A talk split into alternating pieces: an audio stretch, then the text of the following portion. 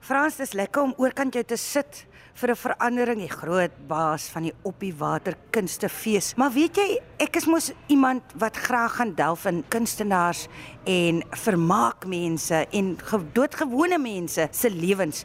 En hoekom dan nou nie? Hoekom kan ek jou ook nader raak om bietjie oor jou agtergrond te gesels? Maar kom ons begin by die begin. Van waar kom jy Frans? Hoe het jy groot geword? Hy ja, ek het daar in die Vrystaat in Hoopstad groot geword. Ek sê altyd vir mense Hoopstad natuurlik bekend geraak vir Ben en Babs en familie in die rapport. Nou het ek al vir my vrou hulle uh, in die kinders gaan wys. Dit is regtig een plek waar die kerk en die bar langs mekaar is. Die die Hoopstad Hotel en die kerk is is langs mekaar en en uh, uh Keith en Ronna Stevens wat wat die strokies prent uh gedoen het. Hulle het uh, ek dink hulle pa of skoonpa het op Hoopstad gebly. So al daai karakters is ware karakters gewees, maar as jy nou hulle tekeninge sien en jy sien hierdie pragtige klipsteenkerk en dan hierdie plat dak hotel, Ja. die Hoopstad Hotel. en ons het geboer en uh my ouma Pretoria sy het in Wesselsbron gebly. So ons het nou in die week Wesselsbron toe gegaan en daarvan dan na skool toe, toe gegaan en dan natuurlik naweke het ons dan nou plaas toe gegaan. So dis maar waar ek vandaan kom.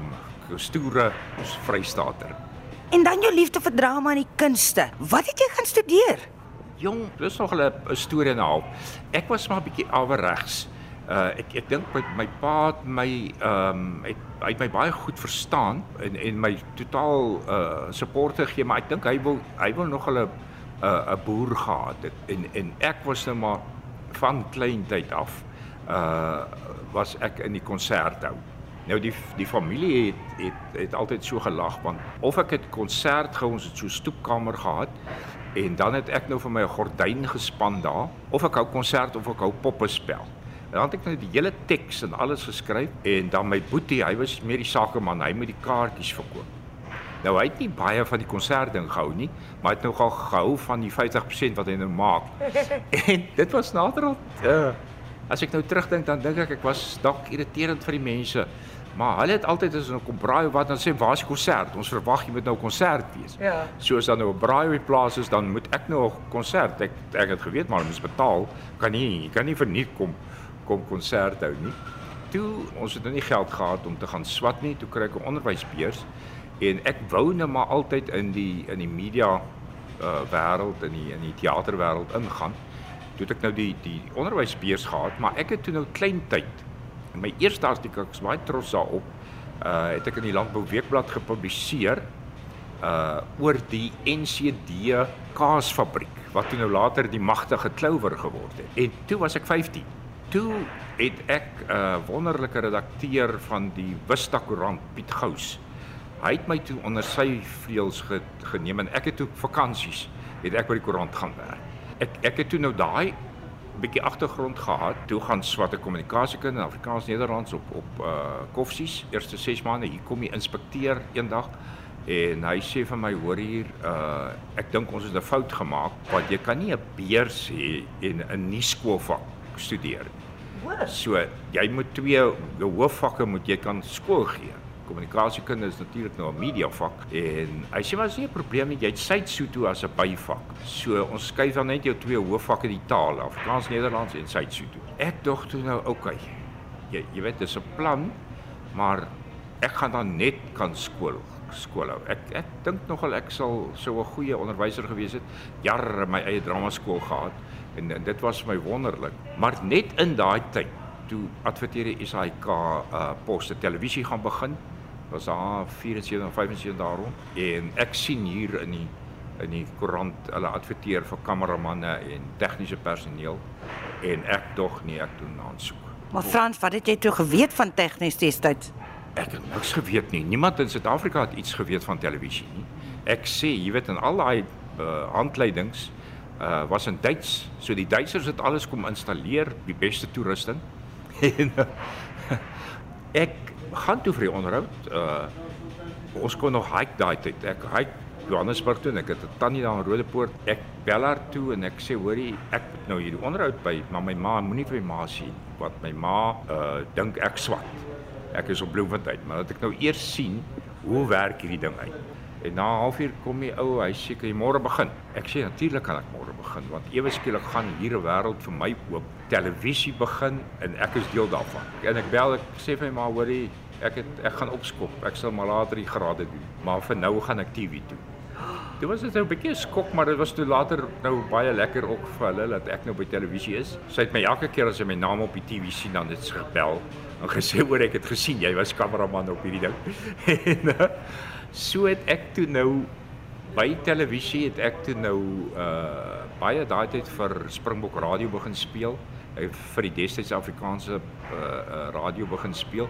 In daai tyd het ek toe ek toe nou my kommunikasiekunde graad en onneers het ek toe nou sommer deur die Nisa gedoen, maar ek het toe nou gaan drama swat by die Akademie vir Dramakuns.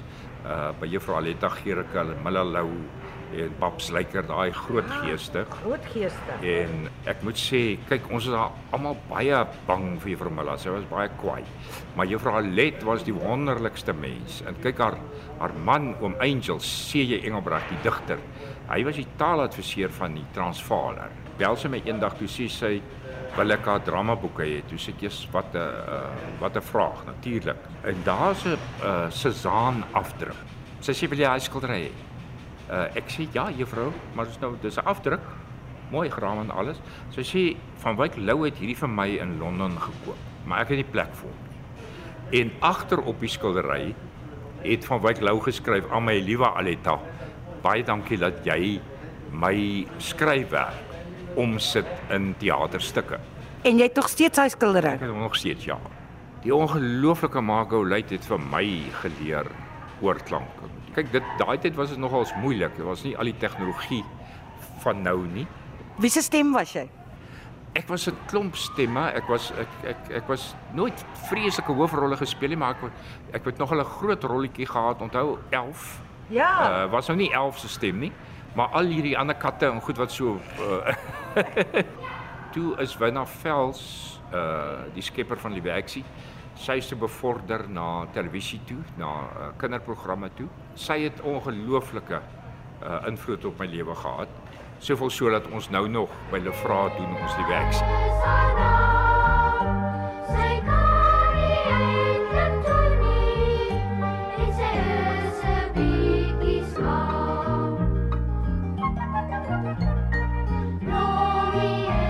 Ek het toe belang gestel in in skryf vir kinders. En dit dis nog al 'n hele ander Ja, dit is. uh en soos soos Winna altyd vir my gesê het, jy weet, Heksie was nooit die hoofkarakter nie. Sy die die stories het begin met Blommie Kabouter. Die storie het rondom Blommie Kabouter uh, geloop.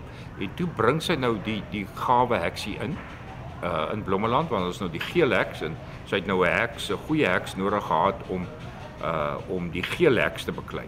En toe ewe skielik toe hou die kinders van die heksie. Uh en en so het Liewe Heksie beroemd geraak. Sy het toe vir my die die geleentheid gegee om byvoorbeeld uh uh, te help met Willie Bali tekste. Uh ek en Jan Engele, uh, Betty Kemp het toe die reeks Vierhoekie land geskryf. So het ek toe nou ook uh, kinderboek of twee. Een een van die gewildes was Blou vlam die draak. Maar hoe hy stel werklik gelyk? Hoe, hoe groot was dit? Hoe het hulle dit gedoen? Was dit soos poppe wat aan draadjies was? Ja, uh, liewe Heksie, ont, onthou Adoons hulle. Hannibal se Adoons hulle hmm. het ons met uh um vislyn gewerk. As daai vislyn val, dan kook dit. Dan is dit 2 ure om dit uitmekaar uit te haal. Maar Heksie is snaaks genoeg die latex wat hulle byvoorbeeld met Heksie se gesig gebruik het. Dit was klein poppies, seker so 6 duim poppies. En hulle is van onder 'n tafel. So hulle het nie toutjies of iets gehad nie. Hulle uh, ons het 'n groot tafel waar Blommeland nou was en Heksie se huis en Karel se kar en en daai stelbouers van daai tyd was ontwikkelaars. Dan beweeg jy heksie so hier van onder die tafel af. Onderhof en en ook het hy nou die die Heksie poppies so gemaak en en dis 'n ding wat hy gepatenteer het wat hulle tot vandag toe oor see gebruik. Want nou Heksie se gesig is gemaal in latex, maar dan het hy op 'n manier gemaak dat jy die emosie kon sien, lag of Hartseer. uh, huil en dan hy uh, kyk kyk Heksie het, het sy trane uh, as as hy nou 'n woordjie verkeerd het, dan die trane nou uitgekom. As kameraman was dit nogal uitdagend omdat jou jou velddiepte was baie klein. So ons moes vreeslik baie ligte opsit en die die die die die poppies was pretty much baie klein en die die stel was klein. Dit was seker een van die lekkerste goed wat ons aangewerk het wat jy kan nou dink, jy moet al hierdie planne maak. Jy, jy weet Karel Kat moet in die kar wees en daai kar moet ry en dan jy nou 'n toutjie onder en dan trek jy nou die toutjie en dan neek die kar hier van die stel af. En daar was 'n helikopter van koning Rosekrans. Die, die helikopter en dan die heksie en die besem. Ja. Jy jy jy weet sy moes daarom uh, vlieg op die hele tyd. Moet sy gevlieg. Sy sy dit was met toutjies. So sy het op haar besem gesit en dis dan met toutjies.